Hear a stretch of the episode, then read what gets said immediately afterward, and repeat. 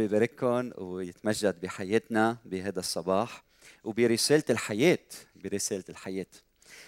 اليوم بنعمة الرب بنبدأ سلسلة جديدة من بعد ما نكون أنهينا سلسلة الاستقامة وصلاتي إنه كل واحد منا بحياتنا اليومية عم نعيش حياة مستقيمة حياة مقدسة حياة طاهرة حياة بتعكس محبتنا للرب خلال محبتنا لبعضنا البعض وطاعتنا للرب.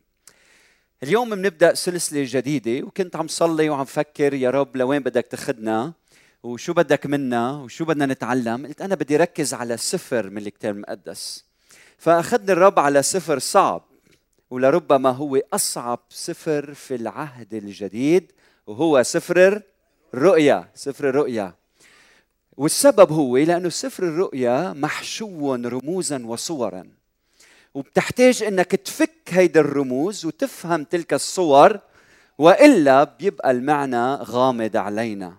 فمنحتاج لهالمعرفة كيف نفهم آه، الصور الموجودة بهيدا بهيدا السفر لحتى ناخذ دروس مهمة لحياتنا.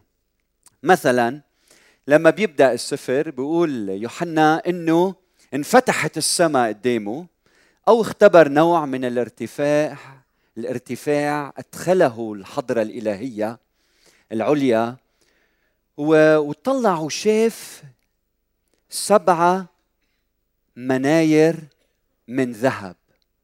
القارئ اللي عم يقرا بقول لي شو هن هودي السبع مناير من ذهب أو الشمعدان؟ وبعدين في الوسط شاف شبه ابن إنسان. بعدين بالفصل الخامس بنطلع بنشوف يراه آه، خروف كأنه مذبوح ولديه وله سبعة قرون وسبع أعين. شو هالخروف هيدا اللي عنده سبع قرون وسبع أعين صح؟ المشهد مخيف ما بنعرف من هو هيدا. بعدين بالفصل الخامس بنشوف في فرس أبيض بعدين فرس أحمر بعدين فرس أسود والجالس عليه معه ميزان بعدين فرس أخضر. يا عمي شو عم بيصير؟ بعدين حرب وجنود وفرسان وخيل وأحصنة وكل حصان رأسه رأس أسد ويخرج من فمه نار وكبريت ودخان. وأنت عم تقرأ بتقول يا عمي شو كل هالصور هودي؟ شو بيعنوا؟ ففي صعوبة لفهم كل ما يحدث هنا. ورح حاول بهالسلسلة هيدي نشرح سفر الرؤيا بقدر الإمكان. ورح ناخذ سلسلة من سبع عظات يمكن أكثر شوي إذا احتجنا أو أقل وما رح أقدر أدرس كل سفر إيه إيه كل السفر إيه إيه لكن بدنا ناخذ المواضيع الرئيسة الأساسية المهمة يلي بنحتاجها لحياتنا وبتساعدنا نفهم ما هو هذا السفر المهم. إنه إن شاء الله نخلص هيدي السلسلة قبل ما يجي الرب يسوع المسيح قبل المجيء الثاني نكون خلصنا هيدي السلسلة ودرسناها بعمق. العظة اليوم هي مقدمة عامة لهذا السفر مهم كتير تكونوا عم تسمعونا وأنتم ببيوتكم إذا عم تحضرونا وتسمعونا مهم نحضر كل السلسلة مع بعض. ما تاخذ بس عظة وحدة وبعدين تلتهي لا خلينا ناخذها كلها لحتى ناخذ مفهوم شامل حول هيدي الرسالة المهمة جدا وقليل لحتى الأحد الصبح نوعظ من سفر الرؤيا سلسلة حول هذا الموضوع. أنا واعي أنه عدد كبير منا عم يحضرونا وبعرف إنه بحسب المتخصصين بال social media وال satellites وبنشكر ال SAT-7 على عملهم الجبار إنه عندنا حوالي 5 مليون شخص مشاهد منتظم بيحضرنا باستمرار مع إنه في في أمل إنه ملايين أكثر يحضرونا. ومن بيناتهم أشخاص طلاب لاهوت أو لاهوتيين متخصصين. فلهودي الأشخاص بدي أقول أحيانا رح أقدم الحقيقة كتصريح من دون ما أقدم الحجه والبراهين خلف منا لأنه بتصير المادة مملة للي عم يسمع ونحن بإطار كنسي ما فينا نعمل هيك كل الوقت. فمهم تعرفوا إنه هالأمور هيدي أنا درسها بقدر من رب عطاني من نعمة وحكمة لحتى أقدم هالموضوع بأفضل طريقة ممكنة. فمثلا إذا قلت لكم إنه يوحنا الرسول آه، مرجح إنه هو يكون كاتب هذا السفر. اللاهوت اللي عم يسمعنا لازم يعرف إنه خلف هالتعبير هالتصريح هيدا في دراسة. ولما أقول مرجح إنه يوحنا الرسول حبيب الرب هو كاتب هذا السفر معناتها أنا عم بضحض عم برفض الفكرة اللي بتقول إنه هيدا السفر مثلا منحول أو حدا انتحل اسم شخص آخر وسمى حاله بيوحنا. لماذا؟ لأنه لو هيك صار كان ذكر بالسفر أنا يوحنا الرسول وما في محل موجود إنه هو الرسول. فواضح إنه يوحنا اللي عم يكتب واثق بنفسه وعنده هيدي السلطة الرسولية أو النبوية آه، بين الكنائس.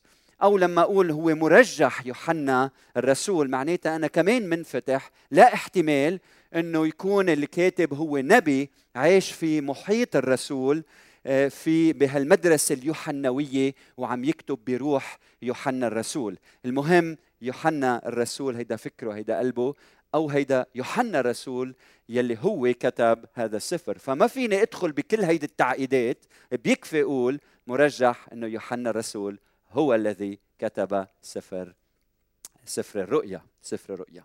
وللأشخاص يلي بهمهم من الآخر قسيس قلنا إياها من الآخر. أعطيني الجواب من الآخر ها؟ أعطيني المعنى السطحي الحقيقي الواضح وما تفوتني بكل هالمتاهات. كمان لكم بقول إنه معلش خلينا نتعمق بالكلمة خلينا نحب الكلمة خلينا نغوص بهالكلمة المقدسة ونتعلم كيف ننمى فيها لأنه بيناتكم أكيد الرب رح يقيم خدام ورعاه يلي بدهم يقودوا شعب الرب لازم يتمكنوا من هذه الكلمة. آمين؟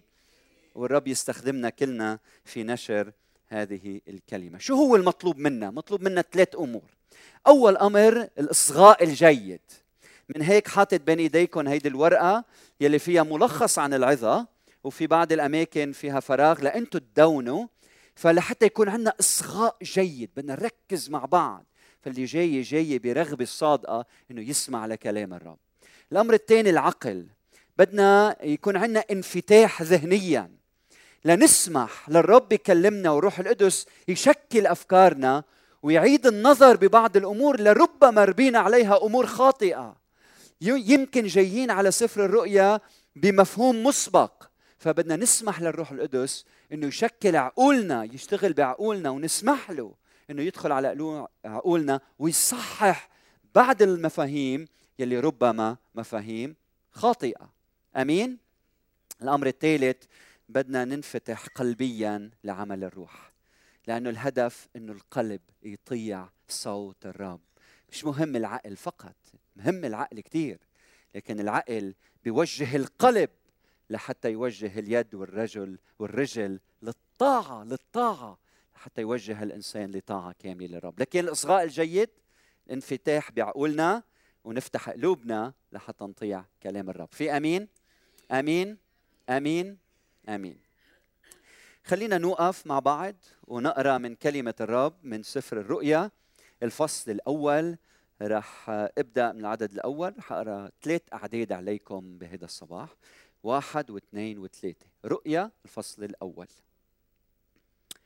اعلان يسوع المسيح الذي أعطاه إياه الله ليري عبيده ما لا بد أن يكون عن قريب. وبينه مرسلا بيد ملاكه لعبده يوحنا الذي شهد بكلمة الله وبشهادة يسوع المسيح بكل ما رآه طوبى للذي يقرأ. هيدا أنا. شيء؟ طوبى للذي يقرأ. وللذين يسمعون. هيدا أنتم أقوال النبوة ويحفظون إن شاء الله كلنا بنعمة الرب. ما هو مكتوب فيها؟ لأن الوقت قريب. وليبارك الرب كلامه إلى قلوبنا. تفضلوا. أول كلمة بهيدا السفر أول كلمة هي Αποκάλυψις يعني إعلان. ومن هنا اسم السفر Αποκάλυψις Ιωάννου رؤيا يوحنا. وصار هيدا السفر معروف بأول كلمة فيه إعلان. هو إعلان. إعلان. إعلان يسوع المسيح. وكلمة إعلان يعني كشف الستار عن شيء مخفي. فهلأ في عنا كشف عن أمر مخفي. بده الله يعلنه لنا هيدا إعلان يسوع المسيح. هيدي مضاف ومضاف إليه. المقصود فيها إعلان يلي كشفوا يسوع المسيح. أو إعلان يلي مصدره يسوع المسيح أو إعلان يلي مضمونه غايته يسوع المسيح.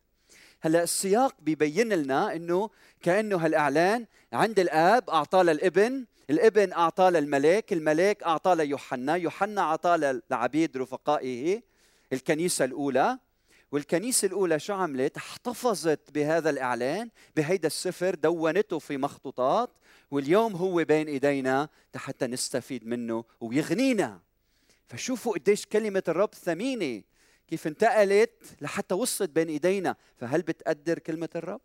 انت بتعرف بالقرون القديمة كان صعب جدا إنه مؤمن مثلي ومثلك آه، يمتلك كتاب مقدس. اليوم كلمة الله بين إيدينا متوافرة في كل مكان. فمنقدرها ومنحترمها ومنطيعها منطيعها طيب شو هو نوع هيدا الإعلان؟ عم بقول إعلان. شو هو هيدا نوعه هالإعلان؟ اولا هيدا الإعلان اجى برسالة. رسالة إلى الكنائس السبعة. يعني رسالة تخاطب حاجة الكنيسة الأولى. البعض بفكر سفر الرؤيا بس له علاقة بآخر الزمان. خطأ خطأ. سفر الرؤيا رسالة انكتب للكنيسة الأولى. فعم بخاطب حاجاتها الكنيسة المتألمة أو الفاترة بسبب الاضطهاد اللي عم بيصير أو آه، في ألم بحياتها في ظروف صعبة مرأة فيها وبتحتاج لرسالة تشجعها. فإجت هذه الرسالة لحتى تشجع الكنيسة الأولى. فرسالة تخاطب حاجة الكنيسة الأولى. اثنين هيدي رساله نبويه بيحكي عن أقوال النبوة. يلي بيحفظ أقوال النبوة. فبيستعمل عبارة النبوة. شو يعني النبوة؟ يعني النبي لما بيتنبأ هو ينطق بكلام الله. هو ينطق بكلام الله. الهدف مش إنه يحكي عن أمور مستقبلية. هلا هو نبي. هو نبي ينطق بكلام الله من أجل التشجيع والدعم والتحذير والتوجيه يمكن التوبيخ يمكن التهديد التعزية. كل هودي موجودين في كلمة النبوة. فالنبي قبل ما يطلع لقدام بيطلع لورا بشوف عمل الله في التاريخ تدخلات الله في التاريخ وبيتعلم من التاريخ لحتى يخاطب الكنيسة يلي عم بيعيش في وسطها ويحكي مع العالم من حوله. لابد أحيانا إنه هالنبوة تحمل بعد مستقبلي لكن اولا هي بتخاطب الواقع يلي عم بيعيشه النبي. لكن هي رسالة وهي رسالة نبوية وثلاثه هي رؤيه هي من النوع بنسميه الأدب الرؤيوي. هيدا فن يلي بيستخدم الصور والرموز من أجل توصيل رسالة معينة.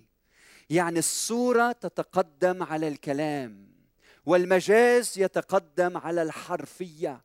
فإذا بدك تفهم سفر الرؤيا تنطلق من الصورة والرمز حتى تفهم المعنى الموجود. ولا مرة الصورة معي أنتو هي الهدف.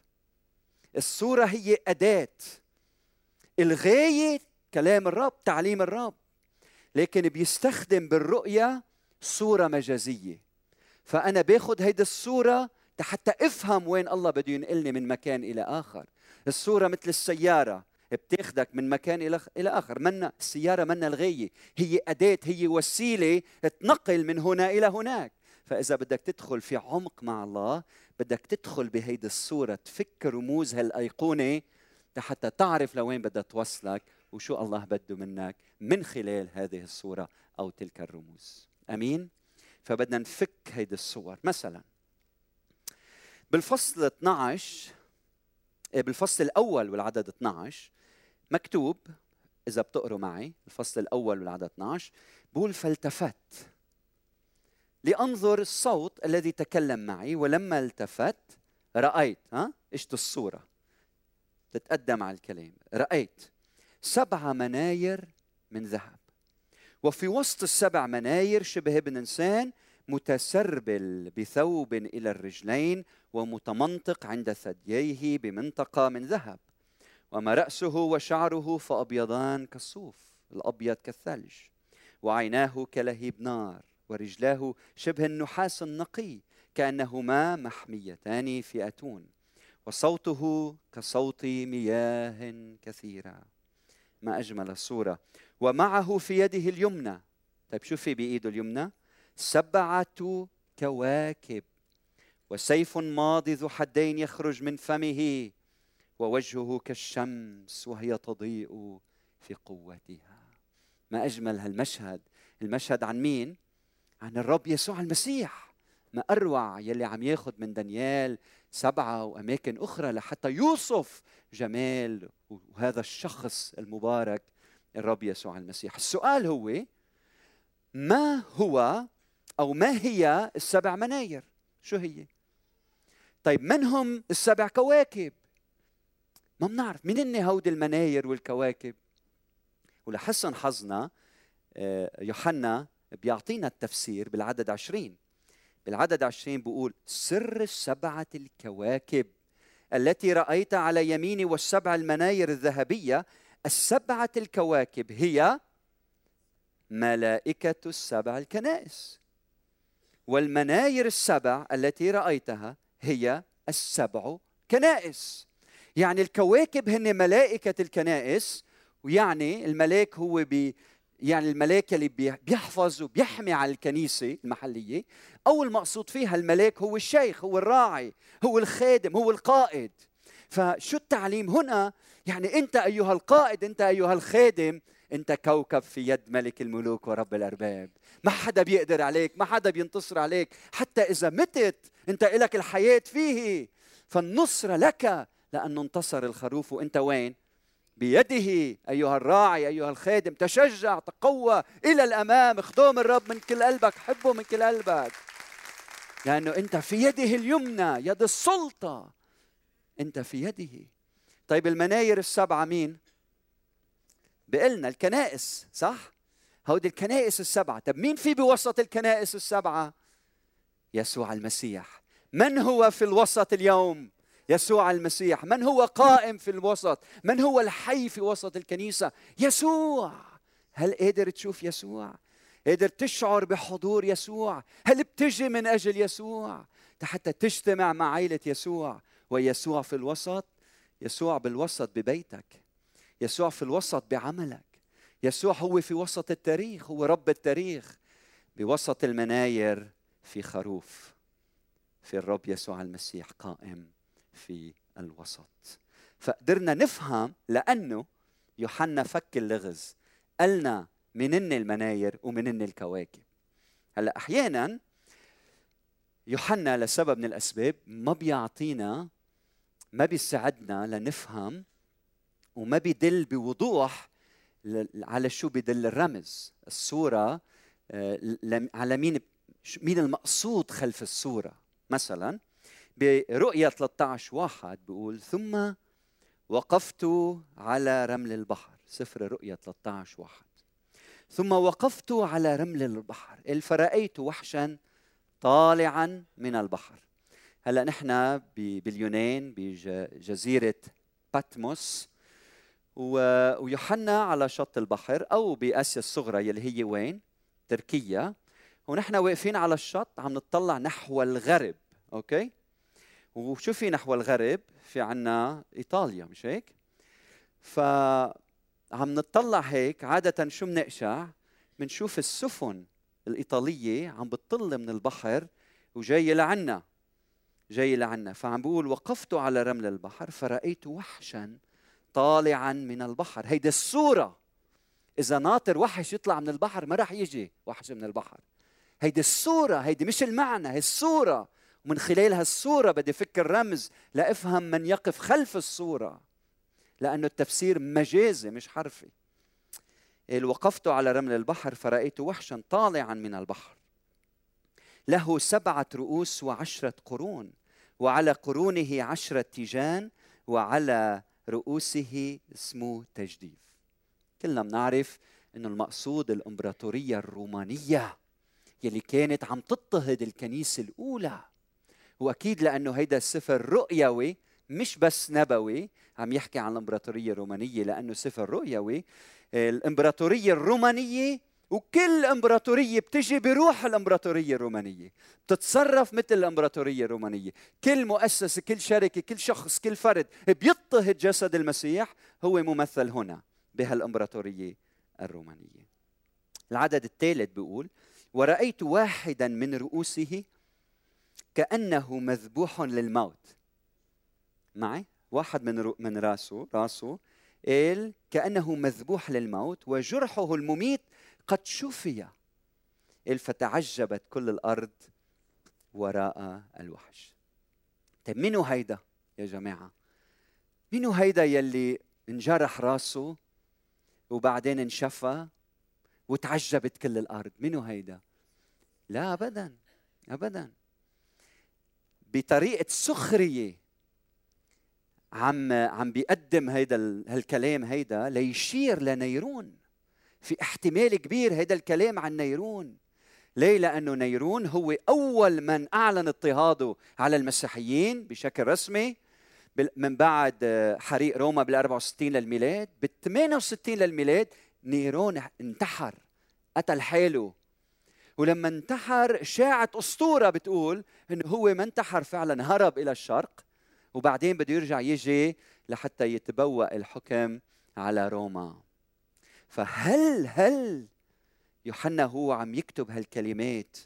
كان عم بيشير لحدا بيجي بروح نيرون مثل نيرون أو نيرون بده يرجع حتى يتبوأ الحكم. عم بيشير لهيدا الشخص الشرير يلي عم بيجرب يقلد المسيح لكن منه الأسد كأسد بس منه الأسد.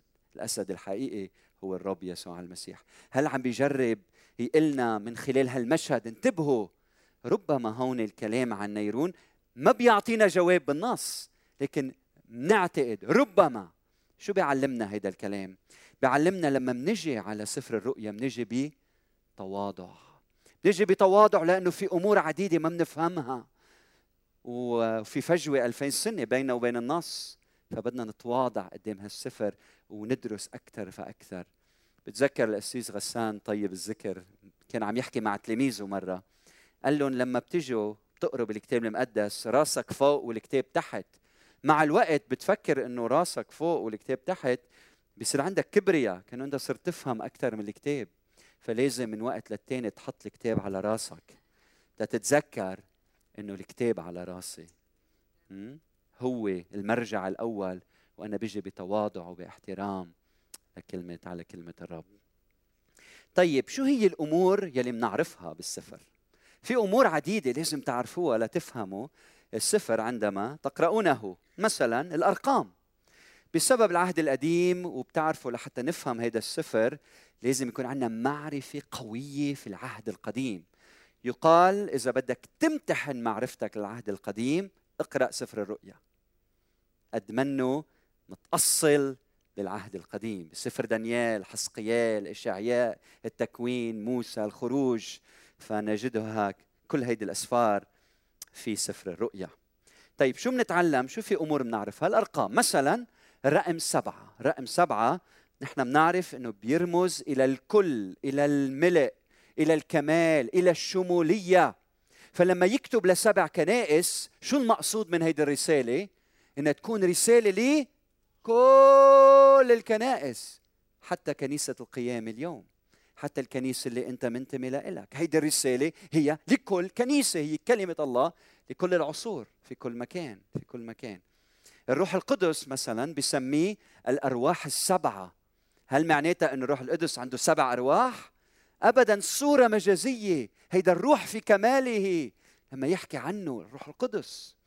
بعدين مثلا كلمة المسيح مستخدمه سبع مرات بإنجيل بسفر الرؤيا. كلمة الخروف مستعملة 24 مرة سبعة ضرب أربعة. الانتصار الشامل على كل الخليقة سبعة ضرب أربعة. بالفصل الخامس والعدد 12 بيقول ألوف ألوف قائلين. هلأ عم بيسبحوا. بيقول مستحق هو الخروف المذبوح. انتبهوا أن يأخذ واحد القدرة. اثنين الغنى ثلاثة الحكمة أربعة القوة خمس الكرامة ست المجد وسبعة البركة. طيب ليش سبع صفات هن وعم بيسبحوا للخروف؟ لأنه هيدا الخروف منه مثل الأباطرة منه مثل كل إمبراطور آخر مرق في هذا التاريخ منه مثل القديسين منه مثل حدا. هو لما بتقدم له المجد بتقدم له كل المجد. ولا مرة بتقول ليسوع المسيح ولا مرة بتقول ليسوع المسيح السلام على اسمك. للقديسين بتقول عليه السلام قد ما بنحب هالقديسين لكن ليسوع المسيح نقول له لك كل المجد يا ملك الملوك ويا رب الأرباب. يعني لما بتجي وبتقدم عبادتك ليسوع بتقدم عبادة كاملة وليست عبادة ناقصة. اياك تجي لعند يسوع بقلب بنص قلبك بعبادة ناقصة. هو ملك الملوك بتقدم له كل حياتك وأهم شيء قلبك. بتعطي قلبك قل له قلبي لإلك عمري لإلك حياتي شبابي لإلك. أيام بنقول خي أنا بصلي وبعبد لما خ... لما خطير لما صير عجوز لما صير كبير السن. لا العبادة بشبابنا بعمرنا كل اولادنا كل حياتنا هي فعل عبادة كاملة لملك الملوك ورب الأرباب. آمين. بعدين في عنا مثلا رقم أربعة. رقم أربعة كمان بيرمز للشمولية في العالم الإنساني في العالم البشري. مثلا بيحكي عن بده يحكي عن جموع غفيرة بيقول من كل قبيلة وأمة وشعب ولسان. يعني أقطار الأرض الأربعة. لما بده يحكي عن الأرض آه، بأسرها بيحكي عن رقم أربعة بيشير للرقم أربعة. فمهم نعرف هذا الأمر. رقم 12 كمان رقم شمولي له علاقة بشعب الله أصباط إسرائيل 12 يلي بيمثلوا شعب الله في القديم. التلاميذ 12 يلي بيمثلوا شعب الله في العهد الجديد. رقم عشرة كمان رقم يرمز إلى العدد الكبير مش عدد كامل لكن عدد كبير. بعدين رقم ستة رقم مهم ويشير إلى السقوط. الإنسان رقمه ستة لأنه ساقط. وإذا بتحط ستة ستة ستة شو بيصيروا؟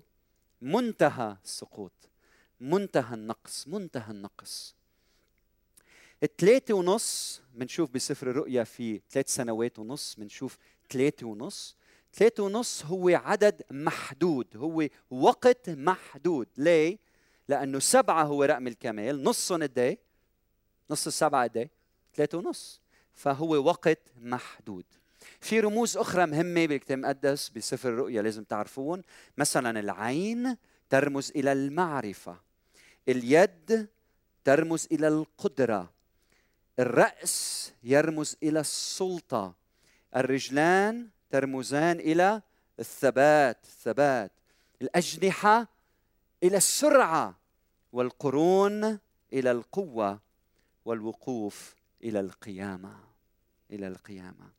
طيب هل هالمعلومات مهمة برايكم مهمة لو مش مهمة ما عم نتعلمها مع بعض. مثلا افتحوا معي رؤيا خمسة العدد السادس. بقول ورأيت رؤيا خمسة ستة. ورأيت فإذا في وسط العرش والحيوانات الأربعة وفي وسط الشيوخ الخروف قائم كأنه مذبوح. من هو هيدا؟ يسوع المسيح. له سبعة قرون وسبع أعين. طيب شو يعني هلأ سبعة قرون؟ إذا القرن رمز إلى القوة والسبعة رقم السبعة رقم الكمال والملء فنحن هلأ أمامنا خروف لكن عنده النصرة المطلقة القوة المطلقة هو البنتوكراتور. البنتوكراتور يعني صاحب القدرة المطلقة. يعني ما في حدا أقوى منه. في ملوك بس هو ملك الملوك. في أرباب يمكن لكن هو رب الأرباب كلها. هو ملك الملوك هو السيد. عنده سبعة قرون. وشو يعني سبع أعين؟ العين المعرفة. يعني هو صاحب المعرفة المطلقة. مضطهد هو بيعرف. متألم هو بيعرف. حزين هو بيعرف. شاعر بيأس وبدك تنتحر هو بيعرف. بعيد هو بيعرف قريب هو بيعرف. بالبحر بيعرف بالبر بيعرف. وين ما كنت بيعرف. هو يعرف كل شيء كل أفكارك. يلي بيخطر ببالك بيعرفه. فهون عم بالنا هيدا الخروف بيعرف كل شيء. وأكثر من هيك قادر على كل شيء. خايف من الموت؟ هو رب الموت. هو يحيي الميت.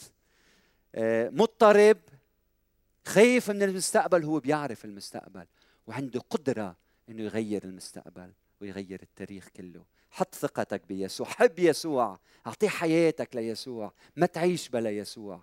صاحب القدرة الكاملة وصاحب المعرفة الكاملة. عنده سبعة قرون وسبع أعين. بعدين الألوان عندنا مثلا الأبيض يرمز إلى إلى النصرة والطهارة والنقاوة الأحمر إلى القتل والدم والأصفر إلى الموت. طيب هل مهم نعرف هيدي الأمور؟ أكيد أكيد. برؤية سبعة تسعة بعد هذا نظرت وإذا جمع كثير لم يستطع أحد أن يعده من كل الأمم والقبائل والشعوب والألسنة أربعة لاحظتوا من كل أقطاب الأرض واقفون أمام العرش وأمام الخروف متسربلين بثياب شو لونها؟ بيض. وفي أيديهم سعف النخل. ثياب بيض. يعني انتصروا واتطهروا يعني إذا أنت شاعر في خطية بحياتك في تمرد في ابتعاد في ضعف جاي اليوم يلي بده يطهرك بالكامل. بده يعطيك ثياب بيض. بده يعطيك ثوب أبيض. أنت كنيسته. أنت كنيسة المسيح. أنت عروس المسيح. بده يطهرك وينقيك ويبيضك ويجملك. طول بالك. ثق بالرب حط ثقتك فيه. لا تستسلم. ما ما تستسلم للضعف ولل وللادمان وللتمرد انهاض وانتصر. طلع أمامك شوف يسوع. هو ربح المعركة. أيام الشيطان بفوت فينا جول. بس نحن بنفوت في عشرة ونحن بننتصر لأنه يسوع انتصر وفيه ننتصر. فتشجع ثيابك بيض ثيابك بيض. الله بده يطهرك. ويغسل قلبك باستمرار. نرجع للرؤيا الفصل الأول والعدد الأول. كل اللي عم أقوله لحتى أشرح كلمة إعلان. إعلان كرسالة إعلان كنبوة إعلان كرؤيا كرؤيا. إعلان يسوع المسيح الذي أعطاه إياه الله ليري عبيده ما لابد أن يكون عن قريب وبينه مرسلا بيد ملاكه لعبده يوحنا متى نال يوحنا هيدي النبوة؟ أمتين.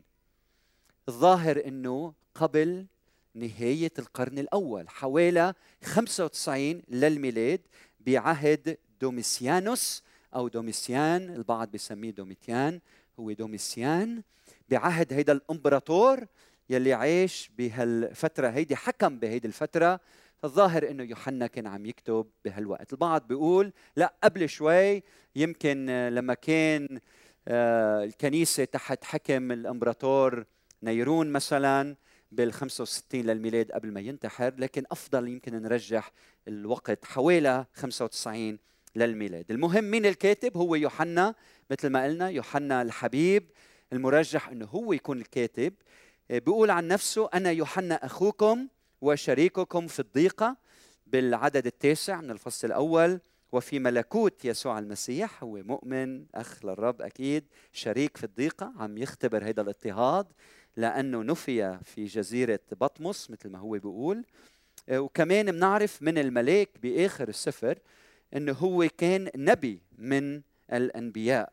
يعني كان عنده سلطة نبوية. هيدا أهم شيء نعرف أنه يوحنا الرسول كان عنده سلطة نبوية كانت الكنائس بتعرفه هو بيعرف الكنائس وكانوا كلهم بيعرفوا لما يوحنا بيكتب فما الله يتكلم الله يتكلم من خلال يوحنا. هيدا السفر هو نفس الله للكنيسة الأولى وكل كنيسة في هذا العالم.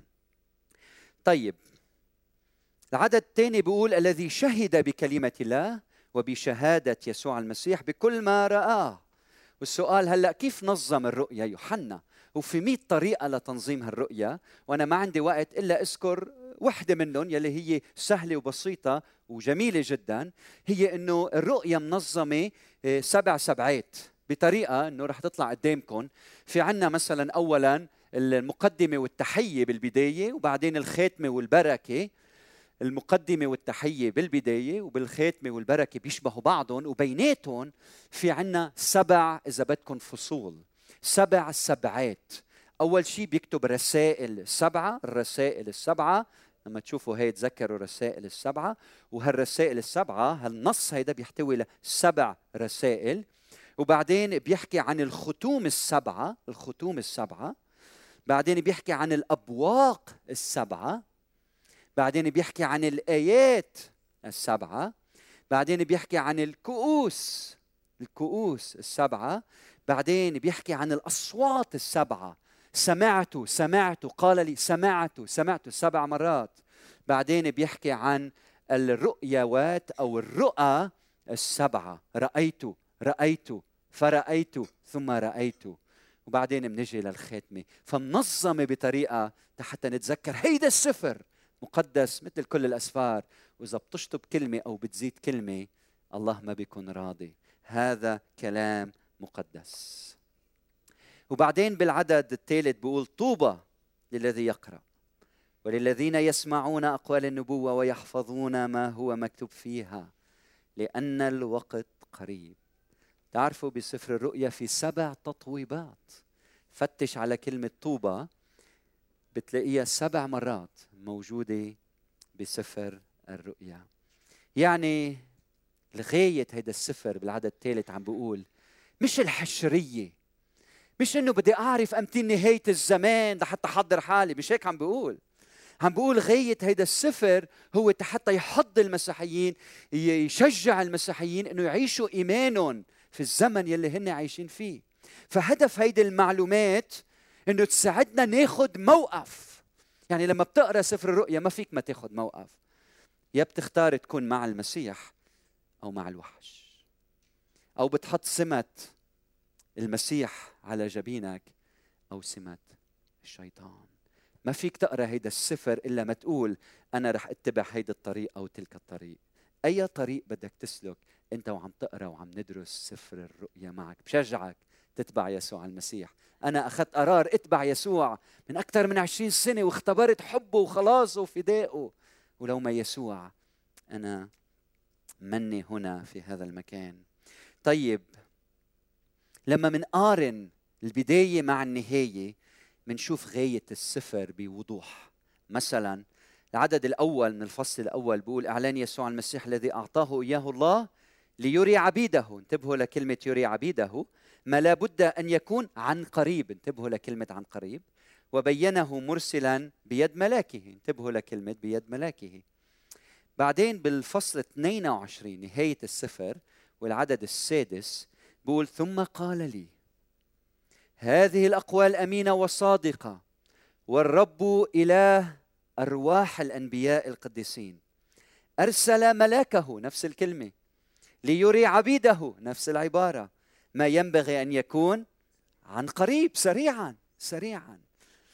بعدين بالعدد الثالث من الفصل الأول بيقول طوبى للذي يقرأ وللذين يسمعون أقوال النبوة ويحفظون. ويحفظ مش يحفظها عن الغايب يعني يحفظها بسلوكه يعني يعيشها بأعماله المقدسة. ما هو مكتوب فيها لأن الوقت قريب. العدد السابع من الفصل 22 بيقول ها أنا آتي سريعا. طوبى نفس العبارة لمن يحفظ أقوال النبوة نبوة هذا الكتاب. بعدين بيقول يوحنا إلى السبع كنائس. وبآخر يوحنا بيقول أنا يوحنا الذي كان ينظر ويسمع. بعدين لما بيشوف الملاك بيسجد قدامه الملاك بيقول له اقف إياك أنا عبد مثلي مثلك. عبد عم يحفظ الكلام مثلي مثلك. الذين يحفظون أقوال هذا الكتاب. وأخيرا بالعدد 11 من الفصل 22 بيقول من يظلم فليظلم بعد ومن هو نجس فليتنجس بعد ومن هو بار فليتبرر بعد ومن هو مقدس فليتقدس بعد. يعني لما بتقرأ هذا السفر بيفضح طبيعتك بيفضح قلبك وإذا نجس رح تتنجس زيادة بسبب الشيطان. وإذا بار الخروف اللي فيك رح يبررك زيادة وأكثر وأكثر وأكثر وأكثر فأنت هلأ أمام آه، مفرق طرق. بدك تختار أي طريق بدك تسلك. فأيها الأبرار فلنتبرر بعد. ويا قديسين فلنتقدس بعد. ليه؟ لأن الوقت قريب. الوقت قريب. الوقت قريب. كيف منتجاوب مع هالرسالة الوقت قريب يعني تبرر لأنه الوقت قريب أعطي حياتك ليسوع لأنه الوقت قريب الوقت قريب ما تعيش بنجاسة الوقت قريب حب زوجتك الوقت قريب اغفر لخيك الوقت قريب بادر انت وتصالح مع غيرك لأن الوقت قريب الوقت قريب الملاك عم بيقول لك الوقت قريب حب الآخرين ضحي اهتم بأولادك الوقت قريب اسعى نحو القداسة والطهارة وعيش بلطف وبمحبة وبسلام لأن الوقت قريب. عم تفهم علي؟ الوقت قريب. أعطيه حياتك ليسوع. ضحي من أجل الآخرين. عيش الحب الحقيقي. الوقت قريب. الوقت قريب يعني ما تروح تفتش امتين هالنبوات بدها تتحقق. لو قالكم الوقت بعيد روحوا فتشوا امتين بده يتحققوا هالنبوات. وروحوا جرب اربط كل صورة اربطها بتاريخ معين. إياك تعمل هيدا الشيء عم بقول لك الوقت قريب. يعني كون دايما مستعد وجاهز. جاهز. الوقت قريب لأنه يسوع أتى ويسوع سيعود. هلأ نحن بهالمرحلة الحاسمة من التدبير الإلهي. وقد ظهرت من حدث الفصح. بموت يسوع المسيح وقيامته دخلنا ملء الزمان لما جاء ملء الزمان أرسل الله ابنه ولما اجى يسوع دخلنا في ملء الزمان. نحن هلأ عايشين بداية النهاية. نحن هلأ في النهايات. ناطرين ناطرين تتمت كل شيء. نحن دخلنا هلأ دخلنا. طيب شو غاية هذا السفر بالأخير؟ أهم شيء شو غاية هذا السفر؟ هل غاية هذا السفر إنه يحدد لنا أحداث تاريخية معينة في الزمن. كلا! مش هيدي غاية السفر. مش غاية السفر يقول لك إنه بده يجي رئيس جمهورية اسمه فلان وبده يعمل كذا وكذا. ابدا ما هي غاية السفر. غاية السفر إنك تنظر إلى التاريخ ليس من منظار بشري لكن من خلال منظار إلهي. يعني تشوف الأحداث من نظرة إلهية تحط النظارات الإلهية لما تقرأ التاريخ. غاية هيدا السفر يقلنا انتبهوا معي. إنه الله هو السيد على التاريخ. الله الآب والابن والروح القدس هو السيد على التاريخ. كيف يسود على التاريخ؟ كيف يسود؟ من خلال الفداء والدينونة الشاملة. غاية هيدا السفر يقول لك اطلع إلى وراء. انظر إلى الجلجثة إلى يوم الفصح إلى موت يسوع المسيح على الصليب. لأنه هونيك تجد ثلاث أمور. أولا أولا أولا الصليب يجلب التسبيح والعبادة للإله الحي. الأمر الثاني في الصليب لك الفداء بدمه غفران الخطايا. بالصليب بتختبر حب الله وفداء الله لإلك لإلك. ولأنه في الصليب هونيك الله سحق رأس الحية وجرد الرياسات والسلاطين وأشهرهم جهارا ظافرا بهم فيه. وعم بيقول لك سفر الرؤيا لأنه المسيح أتى اتأكد أنه سيأتي عن قريب. لأنه إجا رح يرجع لأنه إجا جاي ويكمل هذا الانتصار يلي ابتدأوا يعني امتلئ من الرجاء. لأنه مجيئه وشيء قريب سيحدث. من هيك بالكنيسة بنقول المسيح آت وآت اسم فاعل يعني ماضي وحاضر ومستقبل. يسوع المسيح آت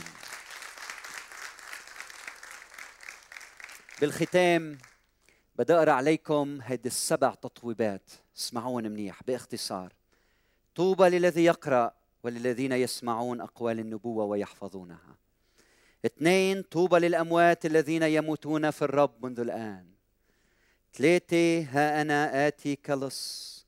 طوبى لمن يسهر ويحفظ ثيابه لئلا يمشي عريانا فيروا عريته. أربعة طوبى للمدعوين إلى عشاء عرس الخروف. خمسة مبارك يعني طوبى مكاريوس من له نصيب في القيامة الأولى. رقم ستة طوبى لمن يحفظ أقوال نبوة هذا الكتاب. ورقم سبعة طوبى للذين يصنعون وصاياه لكي يكون سلطانهم على شجرة الحياة ويدخلون من الأبواب إلى المدينة.